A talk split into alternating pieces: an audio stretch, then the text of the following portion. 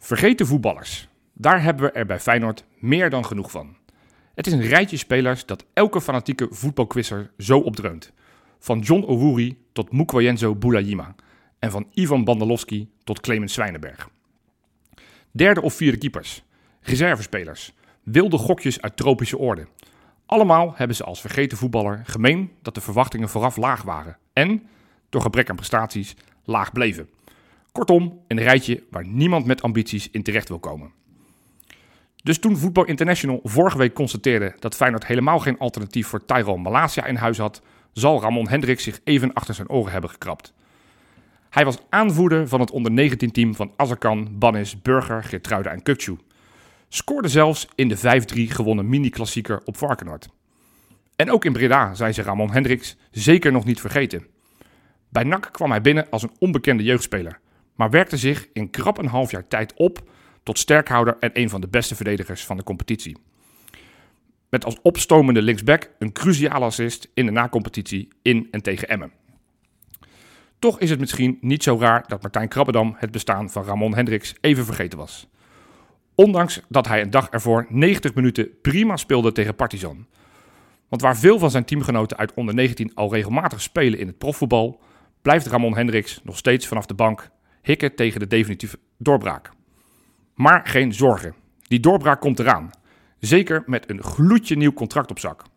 Want als het nu als linksback is tegen Maccabi, of op zijn vertrouwde plek als centrumverdediger, of zelfs als rechtsback tegen Atletico, telkens weer laat Ramon Hendricks zien dat hij veel en veel te goed is om een vergeten voetballer te worden. Wij bij Kangeloel willen er dan ook alles aan doen om te voorkomen dat hij nog eens over het hoofd wordt gezien.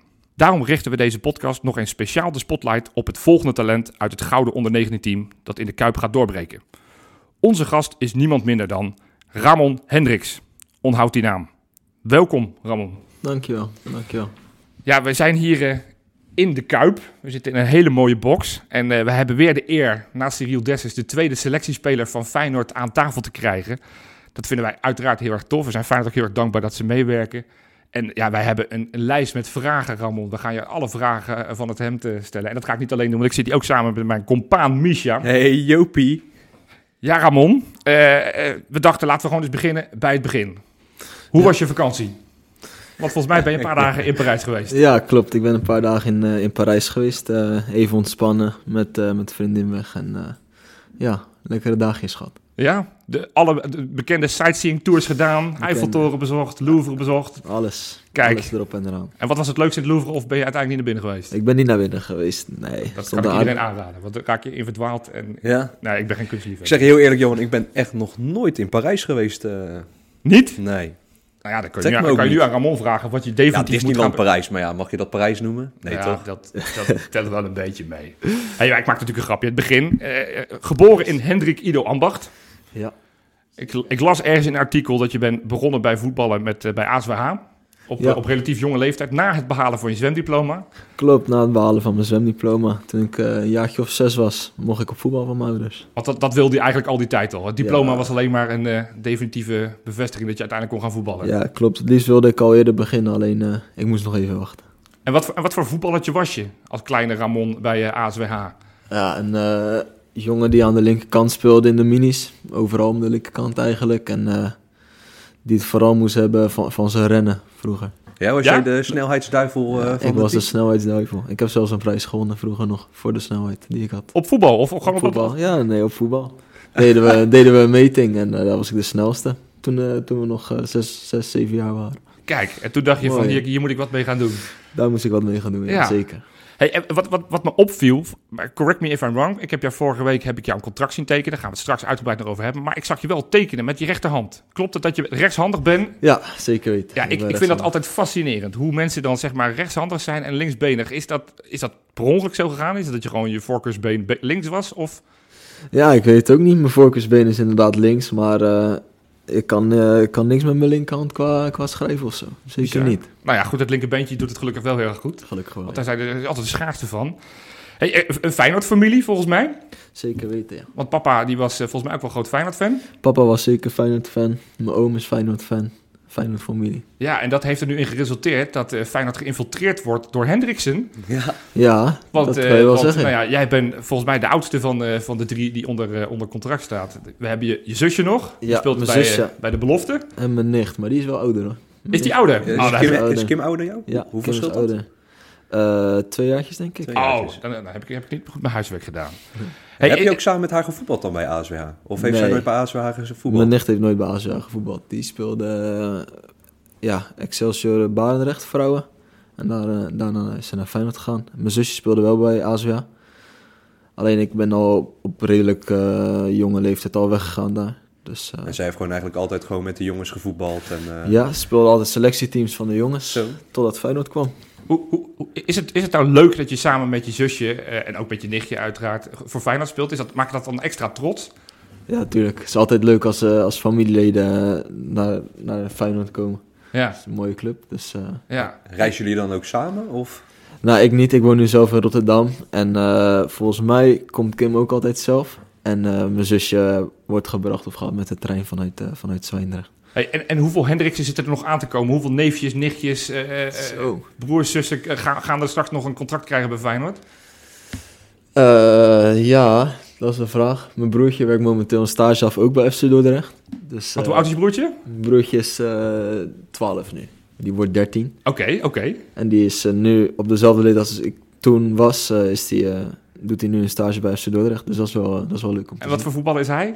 Rechts- links- rechtsback, rechtsback of rechtscentraal. Dit zit wel echt in, eh, in jullie familie, hè? Want je zusje speelt ook achterin. Ja, ook rechtsback of rechtscentraal. Maar komt dat ergens vandaan, dat verdedigen? Of? Ja, we zijn allemaal eh, ja, gewoon verdediger geworden. Mijn broertje heeft volgens mij ook nog wel eens wat voorin gespeeld of wat meer naar voren. Jij ik toch ook? Want ik las ook. dat je vroeger linksbuiten was en Ja, pas ja, bij ja. Dordrecht omgeturnd bent tot, eh, tot verdediger. Ja, klopt. Ik was een, eh, ik was een linksbuiten inderdaad. En eh, bij Dordrecht werd echt duidelijk dat ik, eh, dat ik meer een verdediger was. Toen ben ik echt omgeturnd. Oké, komen we straks nog even op. Yes. Wie, wie, wie gaat nou het verst komen in de familie? Zo. Dat, gaat- eh, nee, ik gun het iedereen. Maar ik hoop natuurlijk eh ikzelf. Maar eh, nee, dat, eh, dat wordt dan een, eh, een concurrentiestrijdje. Maar dat is altijd leuk. Ja, Dus, eh, nou, we gaan het in ieder geval in de gaten houden. Yes. Ik zei het al net, volgens mij op je dertiende, als ik het goed heb, ben je naar Dordrecht gegaan. Ja, Nou, klopt. redelijk om de hoek van- bij, vanuit Hendrik Ido Ambacht. Hoe, hoe was dat, die omschakeling van het amateurvoetbal ineens naar een, een profclub? Ja, eh, wat wennen. Je gaat natuurlijk iets meer trainen. En eh, je komt met andere jongens, andere soort trainers en andere, andere trainingen en wedstrijden kom je natuurlijk eh, kom je daar aan. En dat was wel even wennen. Maar ik heb ben best wel snel gewend geraakt daar zo. En ook snel mijn wedstrijden gespeeld. Dus het was, was een mooie ervaring. Want, want waarom zeiden ze tegen jou van misschien moet je je toch maar gaan focussen op een, op een plek in de achterhoede? Want dat zou je waarschijnlijk misschien in eerste instantie niet leuk gevonden hebben. Want iedereen wil natuurlijk Nou, doelpunten maken voorin. Nee, ik had het niet zo. Ik vond het wel prima eigenlijk. Ik had veel loopvermogen als linksback. En ik kwam ook, eh, ja, ik kwam ook vaak genoeg voorin om, eh, om iets te doen voor de goal. Om een goal te maken of een assist eh, te geven. Dus nee, ik vond het niet zozeer erg. En ik vond het eigenlijk wel leuk om, om als linksback te gaan spelen. En, en toen ineens werd je opgeroepen voor Oranje onder 15.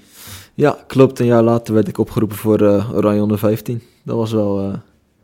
ja, was een hele mooie ervaring eigenlijk. Want je speelt een niveau, hoger, eh, of een niveau lager dan, eh, dan de rest van de jongens Ja. van Nederlands elftal. Dus eh, ja, je kent die jongens wel. die zie je op Insta- Instagram voorbij komen. Van jongens van Feyenoord, Ajax, PSV. Maar eh, je had ze nog nooit echt in het echt gezien. Want welke jongens hebben we het dan over? Over een Ezra Hogeboom, Leon van Gelderen. wie nog meer? Wie van Feyenoord speelde nog meer? Eh Marwan Azarkan natuurlijk, Ja, Crescencio Summerville. Ja, dat zijn eh, jongens die je daar tegenkwam, die nu ook eh, in het betaalde voetbal spelen. En ja, dat was, was mooi om mee te maken. Ja. Wa- waren ze niet in shock bij Dort? Dat er überhaupt de scouts van Oranje de weg naar Dordrecht wisten te vinden? Want zo vaak zullen er niet spelers vanuit Dordrecht Nee, voor de vertegenwoordigde elftallen uitgekomen zijn, vermoed ik. nee, volgens mij was ik de eerste. En dat was, was een mooi compliment aan, aan mij, maar ook zeker aan de, aan de opleiding daar. Ja. En dat zorgde ervoor dat ineens allerlei topclubs interesse hadden. Want ik las ergens een artikel dat niet alleen Feyenoord interesse had, maar dan ineens was ook Ajax, PSV, ik las zelfs Arsenal dat die in de rij stonden. Ja, klopt. Heel, heel rijtje clubs kwamen er toen. En eh, Hoe, hoe, hoe gaat dat? Want Ja. ik kan me voorstellen dat je helemaal gek, want dan ben je nog jong. ja, Dan heb je het eh, misschien nog niet allemaal zo op orde zoals dat je het nu zou hebben. Dan word je toch helemaal gek gemaakt? Want werd je vader dan vooral eh, plat gebeld? Of eh, Ja. gingen ze jou persoonlijk eh, nee, benaderen? nee, in eerste instantie, eh, ik weet nog dat mijn vader zei van, eh joh Ramon, ik eh, ben gisteren opeens eh, een stuk of tien keer gebeld door eh, verschillende ja, zaakwaarnemers. eh, En dat was die, allemaal naar eh, die Interland. Ja, was allemaal naar de Interland tegen, Bizar, tegen ja. Tsjechië volgens mij. En eh, ja, toen zei mijn vader van, eh, er is interesse van clubs en eh, misschien eh, moeten we met eh, clubs gaan praten om, eh, om te kijken wat, eh, wat er mogelijk is. En toen werd het Feyenoord.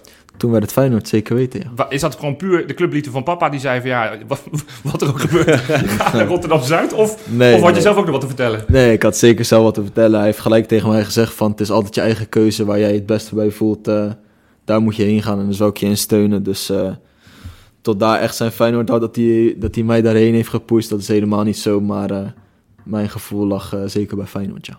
Had, maar had je nu nog seizoen geweest als je naar Ajax was geweest? Of, eh? Ja, 100%. Oh, dat is ook, Ja, ja, ja, oké, dat 100%. gelukkig wel. Maar dat lijkt mij best lastig, want als Arsenal komt, dan, dan ga je daar ook serieus over nadenken. Hoe was dat Nou, dan? Ik, had, ik moet zeggen, ik was super jong natuurlijk nog. En eh, ik had nog niet de behoefte om naar het buitenland te gaan. Ik wilde eerst graag in Nederland slagen. Heb ik toen ook veel gesprekken over gehad, natuurlijk met mijn vader en eh, met mijn moeder ook, uiteraard. Maar eh, nee, ik had het beste gevoel bij Feyenoord. En eh, het buitenland, eh, dat eh, hoefde van mij nog totaal niet. Nee. Nee. zou nog wel komen. Hè? Je hebt nu gesnuffeld aan Parijs, dus hè, wie weet is dat, Ja, eh, mooi, dat, is dat een volgende stap. Daar komen we straks vast nog wel over. Hey, wat, is nou het, wat was het grootste verschil wat je aantrof van, eh, van de jeugdopleiding van, van Dordrecht en Feyenoord? Want wij willen altijd Ehm. geloven als supporters dat, het, eh, dat, het, dat wij vier niveaus eh, beter zijn en hoger zijn. Is dat ook zo of, of viel het eigenlijk best mee, het niveauverschil? Nee, het niveauverschil is, is wel zeker hoger. Wij eh, speelden bij Dordrecht ook tegen Feyenoord. En toen kregen we 7-0 klop. Ai. Dus eh, nee, daarin, eh, daarin kan je wel merken dat het niveauverschil wel degelijk aanwezig, aanwezig ook, is. ook manier van trainen, is dat compleet anders?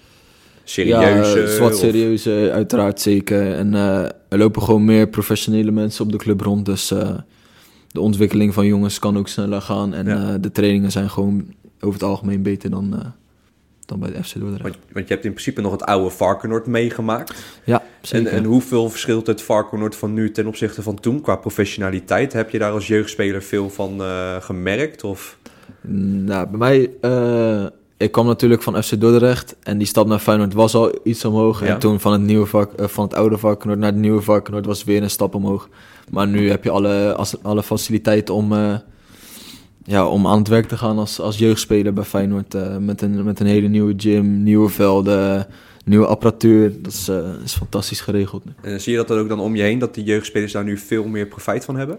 Ja, denk het wel. Ik denk ook dat er nog meer mensen zijn gekomen bij Feyenoord die, eh, die de jeugdspelers kunnen, kunnen helpen met een goede visie. Dus er zijn heel veel stappen gemaakt, ja. Kijk, dat is mooi. Dat horen wij graag als supporters. hè, Zeker, ja, absoluut. Blijven ontwikkelen.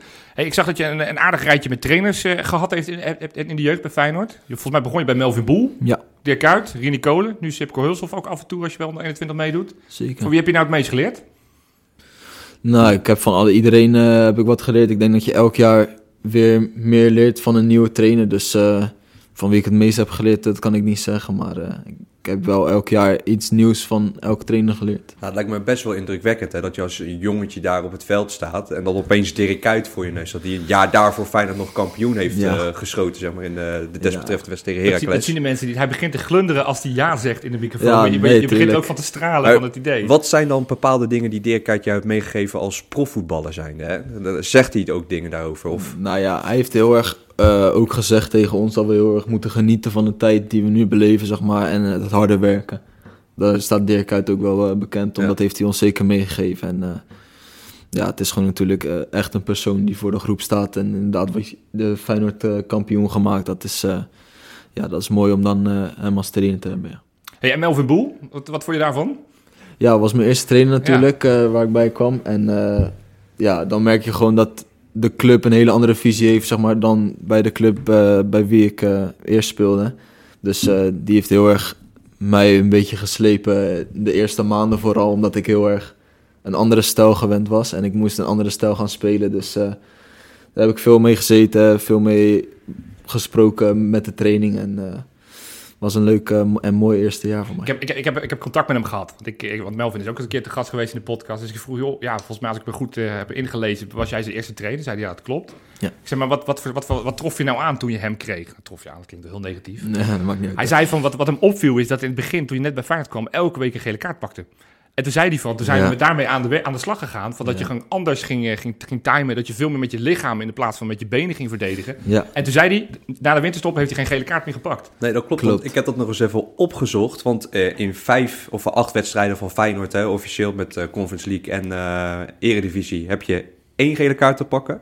En in de KKD bij NAC en in de play-offs 22 wedstrijden maar drie gele kaarten. Dus Ja. eigenlijk pak jij verdomd weinig kaarten sindsdien.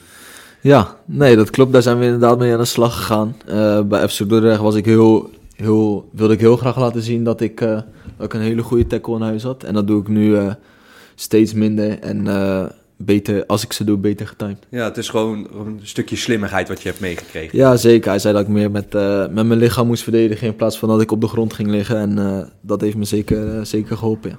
Hey, ik, noemde net in de, in die aftrap noemde ik al een paar namen met wie hij samen hebt gespeeld. ja. Van Azarkan tot El Bouchatoui en van Wouter Burger tot Gertruida. Wat was nou de beste met wie jij eigenlijk in de, in de Feyenoord eh, jeugd hebt gespeeld?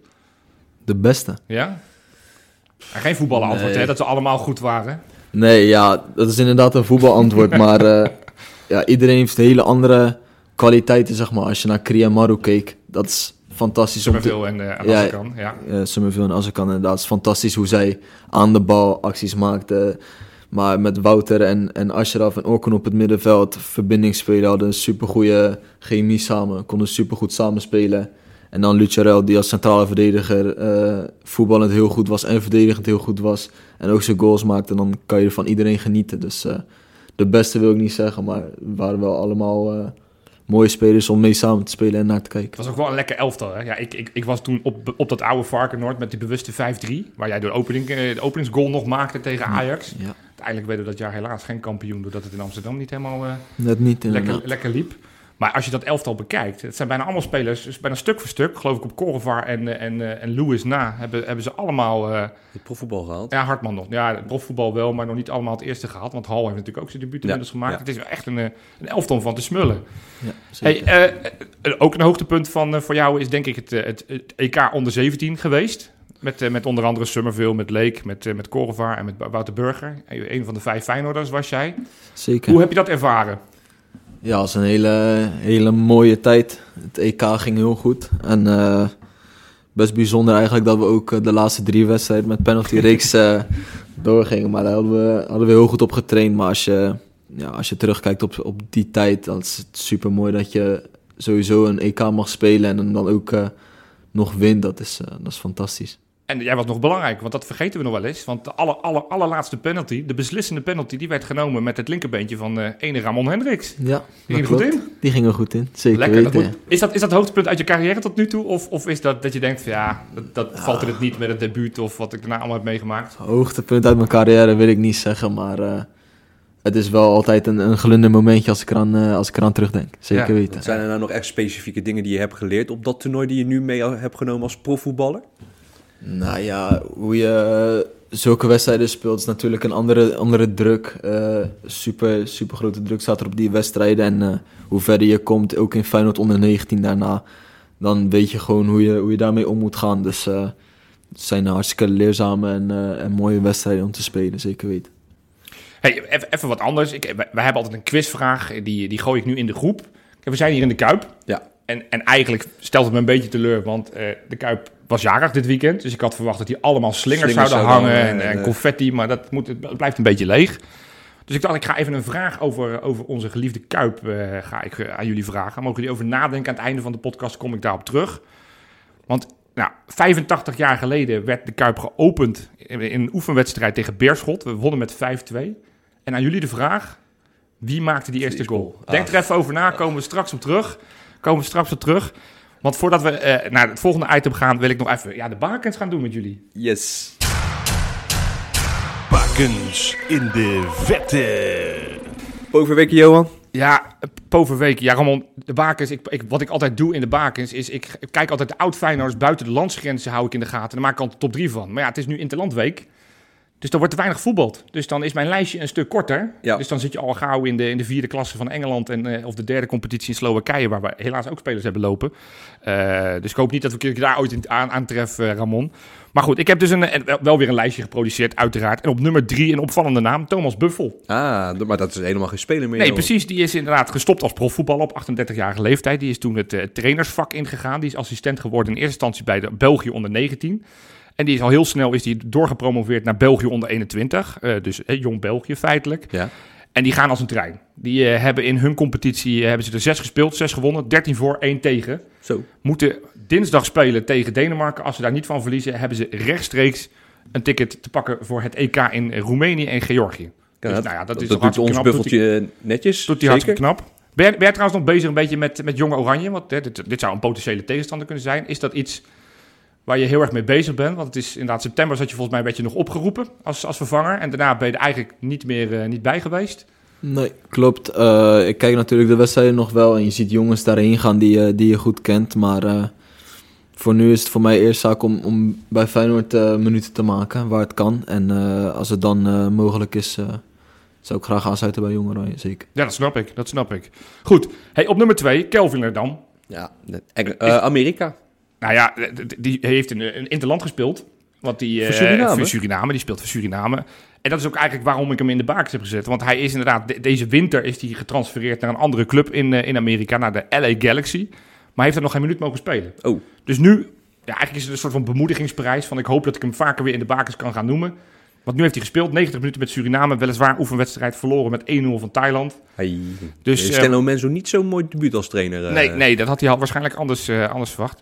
Is het, is het een competitie waar jij nog graag zou willen spelen, Ramon? Amerika? Nou ja, gewoon, is er een competitie? Amerika kan ik me voorstellen dat het niet per se de eerste competitie is die in je hoofd komt waar je zegt... eh, heb je een droomcompetitie?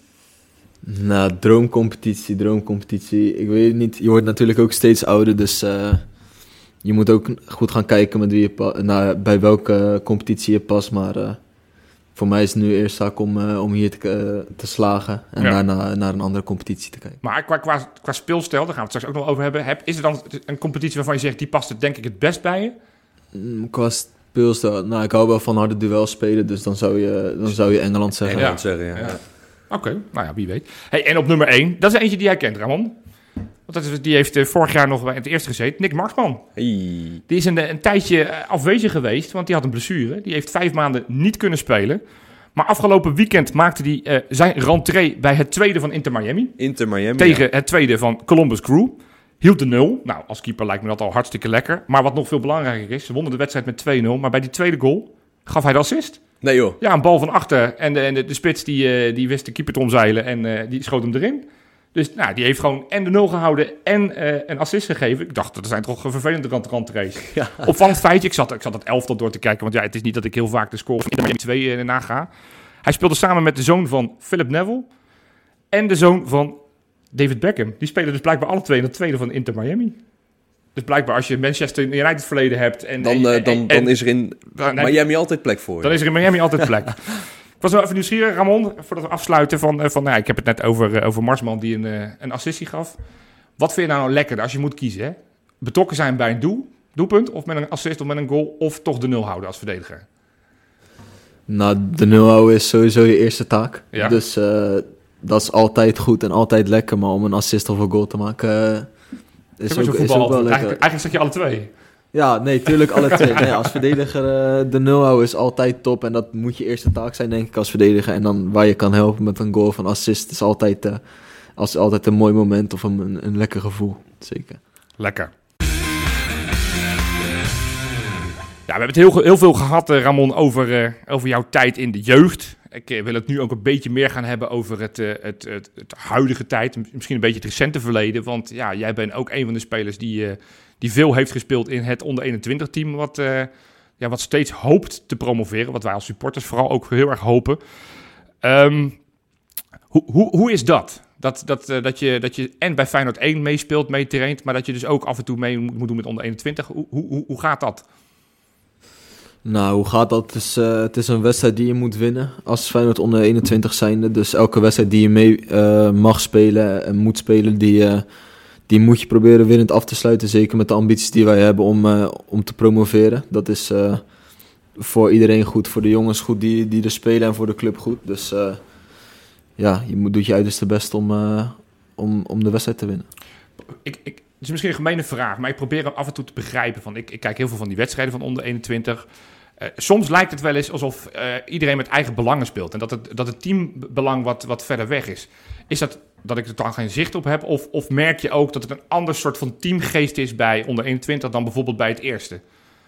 Want bij onder, onder 21 zijn natuurlijk spelers, spelers die spelen voor een contract. Die spelen voor een voortzetting van hun profcarrière. Spelers die misschien ook ja, mee moeten doen. Daar waar ze liever eigenlijk niet mee zouden willen doen.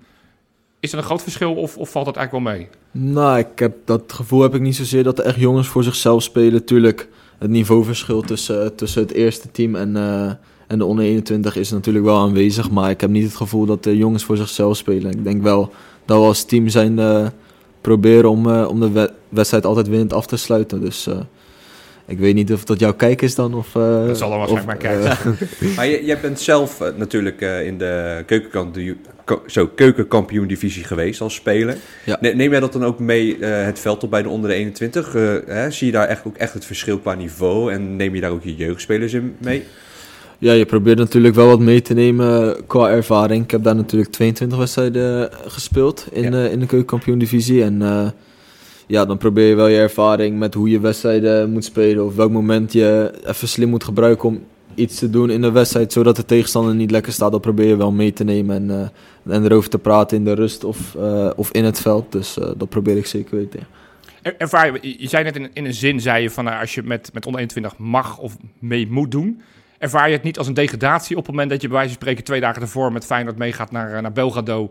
Weliswaar dan niet in actie komt. En dan twee dagen later op een bijveld in Zwolle mee moet doen. Is, is dat, is dat, vind je dat vervelend? Of zeg je van nee, dat, dat, dat hoort gewoon bij mijn ontwikkeling. En dat vind ik alleen maar heel fijn dat ik dan tot die minuten kan maken. Nee, inderdaad, wat je zegt, dat is, eh, het is goed voor mijn ontwikkeling om wedstrijden te spelen. En als dat niet bij het eerste kan, dan is dat eh, in dit geval nu bij de onder 21. Dus denk dat die wedstrijden, ook die wedstrijden, juist heel goed zijn voor mij om, eh, om te spelen na mijn minuten komt. Dus eh, Is het, is het, belangrijk. is het niveauverschil groot tussen Feyenoord 1 en, en onder 21? Dat snap ik. Het verschilniveau tussen onder 21 en NAC in de, in de keukenkampioen-divisie, is, is dat heel groot? Nou ja, het is inderdaad, het is anders, want je speelt in een andere competitie tegen oudere jongens. Dus het is heel moeilijk om, om dat te vergelijken, zeg maar. Omdat je, ja, je speelt echt tegen mannen en met de onder 21 speel je nog wel tegen jongens, zeg maar. Dus eh, daar is een heel groot verschil in en dat is best wel moeilijk om, om te vergelijken, zeg maar. Dus eh, ik weet niet hoe ik de juiste vergelijking daarmee eh, kan trekken. En, en is het, ja, dat heb je natuurlijk, dat, wat, we hebben toevallig dezezelfde vraag gesteld aan, eh, aan Melvin Boel. Nee, sorry, aan, aan, aan Koen Stam in de vorige podcast dat, dat hij te gast was. Hij is natuurlijk trainer geweest van Jong AZ. En hij gaf aan van wat, wat voor hem het grootste verschil is, is los van het niveau, is van dat bij eh, de supporters aanwezigheid bij, onder, bij, bij de keukenkampioen-divisie. Ja, dat heb jij niet ervaren, want jij hebt natuurlijk bij NAC gespeeld in de periode volgens mij dat er geen supporters mochten Nee, komen. Alleen de laatste, einde. Ja, alleen de laatste wedstrijd, ja. Want hij zei, weet je dat nog, uh, Micha? Dat hij toen zei van dat het heel opvallend was dat hij op een gegeven moment de wedstrijd met Jong AZ NEC helemaal tureluur stikte. En op een gegeven moment dat er, Ja, dat er een speler een ja. gebaartje maakte naar een, een, eh, een supporter. En dat daarna het hele NEC-publiek Ja, helemaal los ging. En dat daarna AZ verloren. helemaal tureluur werd getikt door, door NEC. Dus hij zegt van dat, dat soort leerlessen, ja, dat krijg je niet op een, op een bijveldje in Zwolle of, eh, of op onze eigen Varkenoord. Ehm leeft, het, leeft het kampioenschap, leeft dat binnen het onder 21 team? Stel me alsjeblieft gerust. Ja, Ja? dat speelt zeker. Gaan, gaan we naar die call single? Dat is wel de bedoeling, Ja, zeker weten. Ik vind dat we dat moeten gaan huldigen, hè? Toch? Ja, je- hoe eerder wij eh, hun huldig op de call single, eh, hoe sneller wij in de KKD zijn, Johan. Ja, ik, ik, ik verheug me erop. Ik verheug me erop. Hey, goed. Je- ik zei het net al, je, je, traint, je traint dan ook mee met, eh, met Feyenoord 1. Arne Slot, de trainer. Hoe, hoe is dat? Ja, eh, ik heb dat ook in Studio Feyenoord aangegeven dat een, eh, een hele goede groep, een hele goede trainerstaf is. En eh, dat het heel eh, goed is om voor jonge jongens en ook voor oudere jongens uiteraard om, om daar te trainen. En dat je daar echt eh, goed kan ontwikkelen. Nou, wat, wat jij ook verteld hebt in Studio Voetbal, of Studio Feyenoord, is dat je aan jezelf eh, aan de slag bent gaan met je spiermassa. Zeker. En in onze eerste item had je het over je snelheid. Maar dat viel mij ook op in de wedstrijd tegen Partizan, dat jij echt nog steeds je snelheid hebt gehouden. Ja, zeker. Eh, Heb je daarmee bewust getraind of eh, hoe zijn jullie daarmee aan de slag gegaan? Want dat moest behouden worden, lijkt mij. Ja, tuurlijk moet dat behouden worden. Ik denk dat het een eh, groot voordeel is als je, als je snel bent. Dus als je dat kan combineren met kracht, dat dat heel goed is. Dus we hebben inderdaad op een bepaalde manier getraind, zodat ik ook mijn snelheid eh, behield. En dat heb ik nu, vooral met Lee Egger hebben we daar heel veel mee, eh, ja, mee gedaan. En, je eh, hebt niks we- ingeleverd op je snelheid. Jullie doen af en toe ook nog zo'n snelheidstest. Mer- Merk je dat ook, misschien ook nog sneller ben geworden zelfs? Of? Nou, volgens mij is het niet heel. Volgens mij is het verschil bijna niks. Dus dat kan ook per test verschillen. Dus eh, volgens mij heb ik niks ingeleverd en eh, ben ik nog steeds eh, even Ah, snel. Lekker man, wie, netjes. wie is nou de snelste van de selectie? De snelste van de Tegen selectie. wie wil je niet een raceje doen? Nou, ik moet zeggen, ik wil tegen iedereen wel het race doen. Ja, Je redt ze er toch wel uit. nee, ik ben voor niemand bang. Nee, zeker niet. Tegen Reece Nelson pak je Eh, ook? Tegen Reece Nelson zou ik ook wel willen rennen hoor. Maar Reece is inderdaad wel een, eh, een hele snelle jong. Zeker weten. Oké, oké. Hey, eh, je hebt inmiddels acht potjes bij eh, in het eerste gespeeld. Ja. Eh, was dat van tevoren wat je ervan verwacht aan het begin van dit seizoen? Of had je verwacht misschien meer al gespeeld te hebben? Of zeg je van nou, acht is eigenlijk al bonus? Na dit seizoen, natuurlijk heb je twee of drie jongens, als je, als je andere centrale verdediger meerekent, voor je, die, die heel goed zijn en nu echt sterkhouders voor Feyenoord zijn. Dus eh, voor mij was het vooral mezelf ontwikkelen, stond op nummer één. En eh, waar ik wedstrijdjes mee kon pakken of minuten mee kon pakken, zou heel mooi meegenomen zijn. Dus ik ben, eh, ik ben tevreden met hoe het gaat. Kijk, want je debuut het was tegen Willem II uit. Ja. Ja. Heel kort, weliswaar, maar toch, eh, je debuut. Hoe, hoe was dat? Ja, een mooi moment natuurlijk. Als jonge jongen, als je naar Feyenoord komt vanaf FC Dordrecht, is dat het eerste waar je natuurlijk aan denkt. En eh, dat dat moment toen daar was, was, eh, ja, was gewoon een heel mooi moment. Maakt het dan nog uit dat het maar een paar minuutjes was? Of zei je van joh, het, het ging erom dat ik dat shirt aan mocht doen en het veld in mocht lopen en dat ik dat streepje achter mijn naam had? Nou ja, een debuut eh, wil je natuurlijk zo lang mogelijk hebben. Maar deze paar minuutjes waren, waren meer dan voldoende voor mij, zeker Ja. weten. Heb je in, in die tussentijd, we hebben het al vaker gehad over die lichting waarin je zat, hè, met Gertruida, met Kukcu, El Bouchetui, als er kan.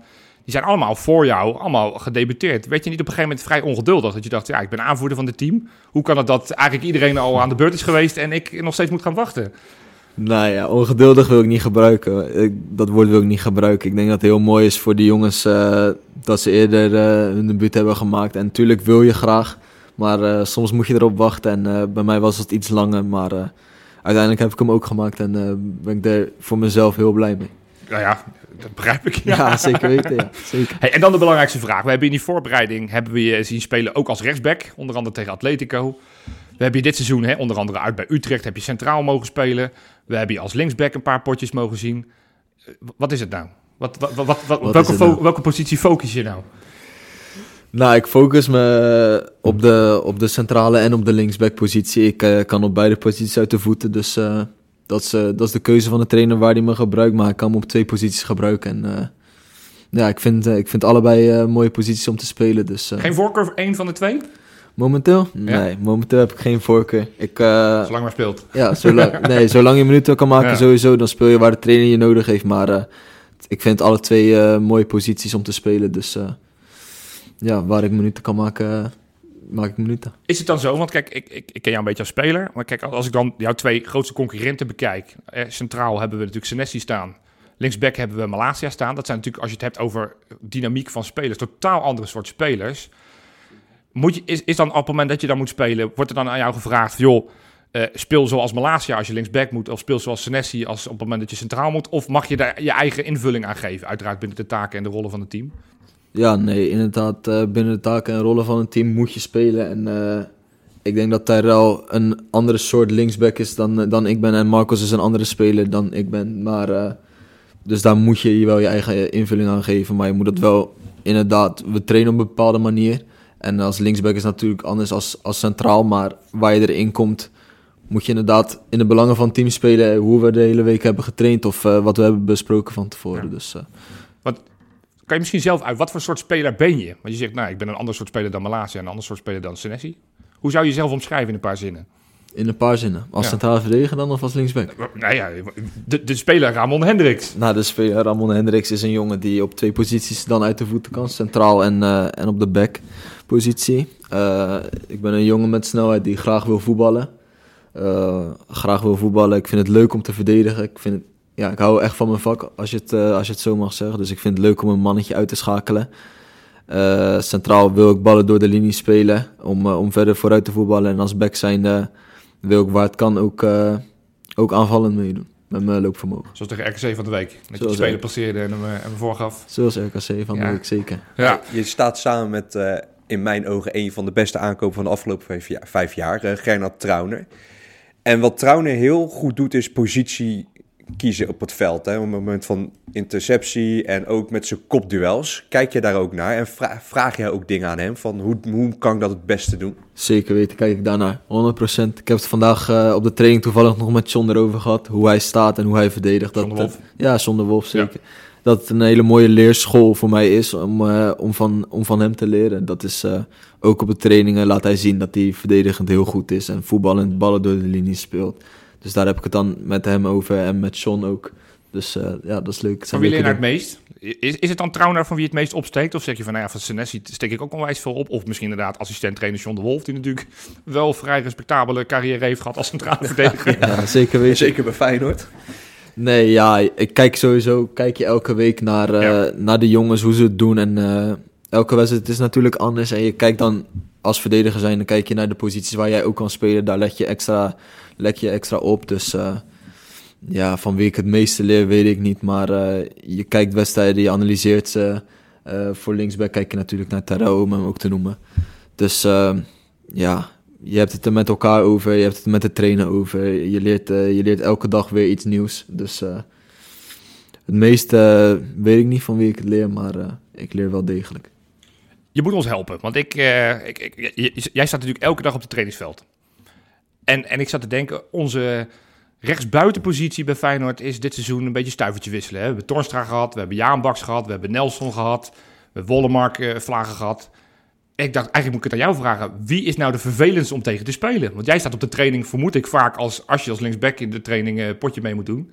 Tegen wie, daar sta, heb je tegen ze allemaal wel een keer tegen gestaan? Ja, ik heb wie, ze tegen allemaal gestaan, zeker. Wie, wie, wie, wie vind je nou het vervelendst om te verdedigen? Kortom, wie moet Arne Slot nou opstellen? Nou, het vervelendste om te verdedigen. Nou, ik denk dat iedereen... Jens speelt natuurlijk wat meer aan de binnenkant. Ja. Ali wat meer aan de buitenkant. Uh, Patrick kan overal spelen. Reese meer aan de buitenkant, denk ik, als hij over rechts speelt. Maar uh, nee, dat verschilt allemaal per situatie en hoe de trainer wil spelen. Tra daar trainen we ook op. Uh, ja, je hebt verschillende mensen nodig in verschillende wedstrijden. En uh, ik denk dat wij dat, dat het ook een luxe is dat je vier jongens op die positie hebt. Dat je kan kiezen per wedstrijd wat je nodig hebt en wie je nodig hebt. Dus uh, ja, het vervelendste weet ik niet. Dat verschilt dan in het team hoe ze willen spelen, zeg maar. Dan hoe je hem op moet vangen als ja. back zijnde. Dat je daar altijd een keuze in moet maken. En je kan tijdens de wedstrijd kunnen ze ook nog switchen. Dus ik denk dat vooral de keuze heel moeilijk is. Dat je elke keer aan moet passen aan iemand. En dat teams zich daar dus ook moeilijk op kunnen voorbereiden, dat dat het moeilijkste is. Domper, ik, dacht, ik had nu gedacht van nu weet ik eindelijk wie dan de, de, de echte rechtsbuiten moet, rechtsbuiten moet worden. Maar ja, moeten ja. we weer gaan wachten wie die zaterdag weer op gaat stellen. Dat, dat blijft de... Spannend. Spannend, ja, jongen. blijft, blijft spannend. spannend. Blijft spannend. Hey, is, is er een speler in de selectie waarmee je de, de meeste klik hebt? Uh, die, die, die, die meeste vriend is in zoverre je er van vrienden kan spreken? Of, of zijn ze allemaal wel... Uh... Nou, ik heb dat vorige week ook gezegd. Ik denk dat we een hele, hele hechte groep ja. hebben en dat ik uh, met iedereen goed om kan gaan. Uh, met Denzel Hall ben ik natuurlijk vanuit de jeugd omhoog, omhoog gekomen. Dus met hem ben ik wat meer, maar ik kan het met iedereen heel goed hebben. En we kunnen met elkaar lachen en we kunnen met elkaar hard trainen. En ja, nee, ik wil niet een paar mensen er, eruit pikken, zeg maar, met wie ik een hele goede band heb. Ik denk dat ik met iedereen goed kan vinden. En ik denk dat dat ook de kracht is van Feyenoord dit seizoen. Ja, want het beeld wat wij vanaf buiten hebben, is, is dat het een onwijs gezellige groep is die het heel goed met elkaar kan vinden. Geen gezeik onderling. Zeker. Kan je dat bevestigen of zeg je van nou, je moest eens weten? Nou, dat bevestig ik. Okay, dat bevestig ja. ik 100% zeker. Oké. Okay. Hey, dan als laatste een beetje over dit, dit blokje. In de winterstop was er interesse van volgens mij verschillende clubs. En volgens mij was Sparta vrij, vrij concreet dat ze jou wilden huren. Ja. Toch ben je gebleven. Hoe, hoe kijk je daarop terug? Uh, ja, als een, op een periode waar ik veel gesproken heb met de club en met, uh, met de mensen om mij heen, zeg maar. En uh, uiteindelijk tot de conclusie gekomen dat het beter was voor mij om nu nog bij Feyenoord te trainen. Omdat je daar, de trainingen zijn, zijn heel goed, de trainer is goed. De jongens zijn over het algemeen beter dan de jongens bij de club naar, waar ik, ja. naar, naar wie ik kon, zeg maar. En ja, voor mij was het zaak om mezelf uh, te ontwikkelen als voetballer. En uh, ook met de trainer over gesproken dat dat bij Feyenoord nu, uh, nu het beste is. Dus, en daar sta je nog steeds achter. Ik denk niet achteraf was ik maar naar Sparta gegaan, had ik nu veel meer potjes ook op het hoogste niveau kunnen spelen. Nee, dat is, als, dat, als die keuze daar gemaakt is, dan moet je het ook daar laten, denk ik. En weer volledig 100% focus op, op de trainingen en de wedstrijden die, de, die er bij Feyenoord zijn. Nou, op zich liggen er nog best wel wat uh, wedstrijden voor het verschiet. En mensen met schorsingen die eraan zitten te komen. Dus je gaat zeker nog wel je minuten pakken uh, dit seizoen. Absoluut. Maar dan ook nog een vraag over, over de Conference League. Ja. En je hebt natuurlijk het uh, EK onder de 17 meegemaakt. neem je die ervaringen ook mee in zo'n toernooi? En, of, of is dat totaal anders? Ja, het is natuurlijk een... Zeker nu jullie verder komen. Ja, dat is, ten eerste is dat heel mooi, zeker weten. Omdat we, dat we zo ver zijn gekomen en hopelijk nog, nog verder gaan komen. En uh, ja, of ik dat meeneem vanuit het EK, tuurlijk. Het is, een, het is een toernooi, maar dat was echt een jeugdtoernooi, Ja. zeg maar. Dus daar spelen weer andere dingen. En voetballend is het daar heel belangrijk wat je laat zien. En hoe verder je nu in het toernooi komt, hoe professioneler het zeg maar wordt Ja. ook. En meer slimmigheidjes in de wedstrijd komen. Dus eh, daar leer ik nu dit seizoen weer heel veel van. Dus ik denk dat ik meer dit seizoen leer dan dat ik het meeneem vanuit, eh, vanuit de onder 17. Want hoe leeft dat gevoel binnen de groep? Gaan we naar Tirana? Nou, het gevoel in de groep is dat we het per wedstrijd sowieso per wedstrijd aan moeten kijken, zoals dat elke, elke wedstrijd is. En eh, we moeten nu weer naar Praag Ja. en eh, tegen Praag spelen. Dus eh, Lijkt je, lijkt je dat lastig om weer tegen Praag te, te moeten? Want hun gaan natuurlijk heel veel meenemen uit de vorige wedstrijden. ja, maar wij gaan ook veel Ja, meenemen uit, de, uit de wedstrijden. Ja, nee, dus, eh, En wij hebben Arne Slot, zoals Rob in de podcast zei. Dat is waar. Maar ik ben gewoon benieuwd hoe dat leeft in zo'n groep. Want eh, je krijgt dan weer dezelfde club. En dan ja, vraag mij toch af, hoe leeft dat dan? Hoe, hoe ga je daarmee om? Denk je van, ja, shit, weer Slavia? Of, of oké, eh, hier hebben we kansen gemist, dus daar gaan we ze dan op pakken. Natuurlijk ga je die wedstrijden analyseren, zeg maar, wat je beter kon doen en wat je goed doet. En eh, het is ook een voordeel dat je, dat je er al tegen hebt gespeeld, zeker Ja. weten. En eh, Je weet dat ze te verslaan zijn. je weet dat, ja, eh, precies. Dat, dat neem je in ieder geval mee. Hey, en heb je even als laatste, heb je Arne Slot ook al verteld van dat je aardig penalties kan nemen? Ik neem aan dat, die, eh, dat als, als het daar komt, dat het straks eh, de beslissende Nee. penalty, dat, dat jij er weer achter gaat staan of Eh, niet? daar hebben we het nog niet over gehad, zeker weten. Maar eh, hij kan de beelden bekijken. Precies. Ja, Ramon, eigenlijk hadden we misschien hier wel mee moeten beginnen. Want vorige week was een heugelijk moment. Wij zagen je ineens op, op foto's glunderen. We zagen je met een shirt omhoog houden met 2025 erop. Het contract is, is getekend. Jij blijft bij de club, in ieder geval de intentie, tot 2025. Ja, zeker weten. Blij mee. Ja, heeft het lang geduurd, het contract, of eh, waren jullie er snel uit? Het, eh, is- we zijn er op zich best wel snel uitgekomen. Dus eh, ik, ben, ik ben blij dat ik bij Feyenoord kan blijven. En dan de vraag, waarom? Want ik kan me ook Waarom? voorstellen met, dat je zegt van, nou ja, nog niet heel veel gespeeld. Dus ik kan me ook voorstellen met nog een, een jaar contract hierna dat je zegt, nou, ik, ik kijk ook wat er nog meer speelt in de markt. En misschien dat ik toch een, een stap kan maken binnen de Eredivisie of misschien naar het buitenland. Maar waarom dan toch die verlenging bij Feyenoord?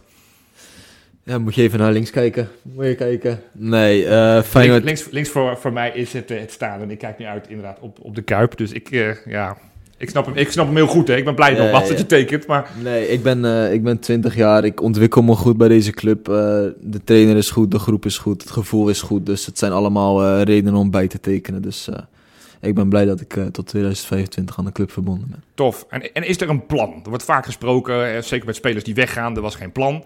Is er met jou een soort van plan? Dat er wordt gezegd van, nou ja, hè, volgend seizoen verwachten we dit. Eh, of basis spelen en zo niet misschien verhuren. Is er, is er zoiets uitgesproken of is het echt steeds kijken wat de situatie op dat moment eh, is en, en dan daarnaar handelen? Nee, ik heb dat vorige week ook uitgesproken. Het is voor nu voor mij zaak om deze overige tijd zo goed mogelijk te trainen en mezelf te ontwikkelen. En eh, dan gaan we in de zomer verder kijken hoe dat is. Als ik dan als ik zo, zo ontwikkeld ben dat ik, eh, dat ik klaar ben om eventueel te gaan spelen of niet, eh, dat moeten we dan in de zomer kijken. En dan, eh, dan gaan we met elkaar zitten om, om de juiste keuzes te maken. Of ik bij Feyenoord blijf of eventueel ergens anders minuten kan maken. Ja. Want als je ergens anders minuten moet gaan maken, ga je dan echt naar een club met specifiek dezelfde speelstijl als die jullie nu hanteren bij Arne Slot? Of is het gewoon... eh, Nee, dat, is, dat lijkt me wel handig. Ik denk dat Feyenoord daar ook dan mee bezig zou zijn. Dat, we, dat het wel op, op die manier op Feyenoord eh, kan lijken. Als je een totaal ander systeem gaat spelen, Als je denk ik ook niet dat... met eh, Fortuna moet gaan, eh, dan ja, dat, precies. kan ik me voorstellen dat een ander soort eh, Nee. Kan je ook veel van leren overigens, denk ik. Maar dat is weer wat anders. Hey, en heb je dan eh, korte termijn doelen, lange termijn doelen? Heb je die? Of, of ben je niet zo dat je zegt van I go with the flow en ik zie wel waar ik uitkom? Nee, ik denk dat het sowieso belangrijk is om, om doelen te hebben. En eh, ik praat af en toe met de trainer en dan geeft hij aan waar ik, waar ik aan moet werken. En eh, zonder daar specifiek op in te gaan, daar, daar ga ik dan mee aan de slag. En dat heb ik heel dit jaar gedaan. En dan zie je ook dat je daarin stappen maakt. Dus daar, ga ik, daar ga ik mee verder.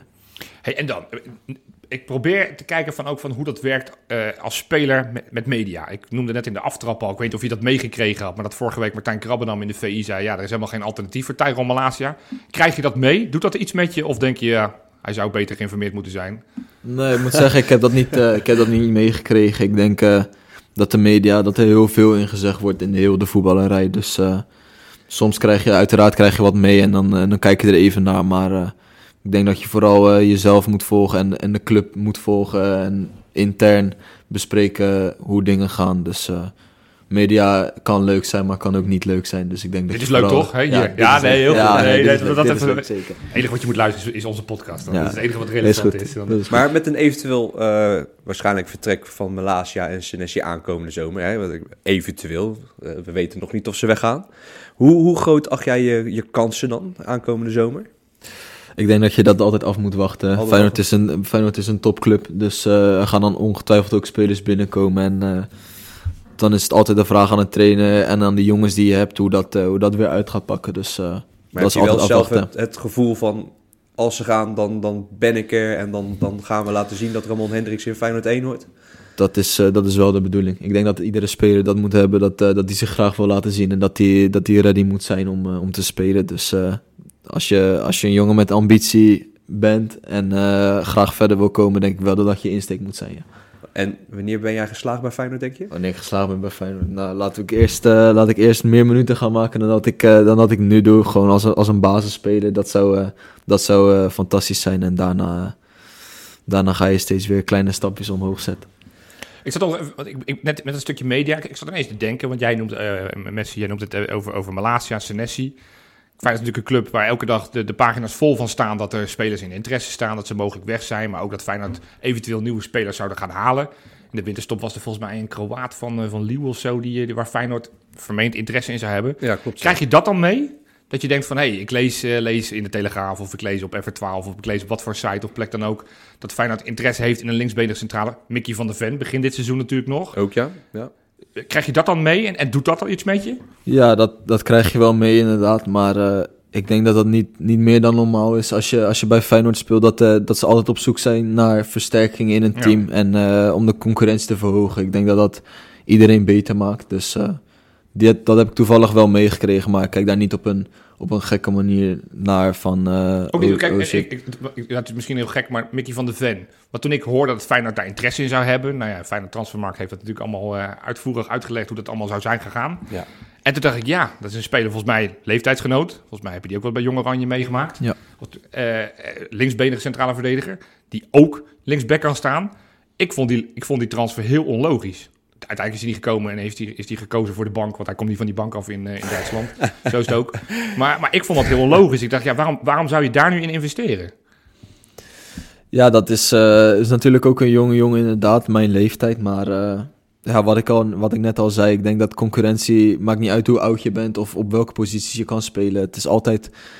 Het geeft een bepaald niveau af en dat niveau gaat daarna weer omhoog als die komt. Omdat je conc- moet concurreren met Ja. elkaar. Dus ja, jij kan het raar vinden, dat, eh, dat is prima. Maar ik Mag denk ik dat... als supporter zeggen. Ik, Ja, snap, ik snap dat jij dat wat lastiger vindt. Maar ik dacht, nee joh, geen nou vertrouwen in die Hendricks. Ik ben, ja, dat is, Ja, dankjewel, het dankjewel. klinkt, klinkt slijmerig, maar het is... Nou, ik heb het er ook eh, met, met iedereen die ik spreek binnen de club. Ik vraag steeds van hoe kan het nou dat, dat Hendricks al jarenlang bekend staat als groot talent. Iedereen die ik spreek, die is vol lof over je. Ook over je, je, je, je ontwikkelingen, over hoe je het doet. En, toch en toch staan er maar, nogmaals, ik, ik kom er niet aan helaas, maar er staan maar acht potjes achter je naam. Hè, daar waar, waar volgens mij de 100 inmiddels aangetikt heeft. Die, Ja. die eh, volgens mij maar een jaartje ouder is dan je. Mooi ik- voor hem. Ja, nee, oh, nee, Heel zeker. mooi Dat- voor hem. daar ben ik ook heel blij mee, uiteraard. Zeker Maar, maar ik dacht steeds van, ja, hoe kan het nou toch dat, dat, dat we nog zo'n talent hebben met, met, met notabene een linkerbeen, die schaars zijn. En, ja, en- valt, valt dan staat dat ook niet een klein beetje met geluk? Ervaar jij dat ook zo? Dat, dat, dat dan Lutcherel eerder op zo'n eh, positie in aanmerking komt als rechtsback... omdat dan spelers geblesseerd raken en zo? Nou, geluk, geluk. Lucia heeft heel veel, Geertruida heeft heel veel kwaliteiten. En dat heeft, hij, eh, dat heeft hij laten zien in die honderd wedstrijden die hij heeft gespeeld. En ja, soms, soms is er iemand geblesseerd geraakt en dan kan hij minuten maken. En dan kan ja, hij dat het goed bedoelde doen. ik met geluk, zeg maar. Dat, Ja, ja, ja. de, de een zijn uh, Ja, in die zin, is, ander zijn brood. ja, in die zin kan je inderdaad kan je met geluk te maken hebben. Maar aan de andere kant moet je ook zelf eh, goed genoeg zijn om, eh, om minuten te maken. En eh, Om dat af te dwingen. ja, om dat af te dwingen. En dat heeft eh, in dit geval Lucia zeker laten zien.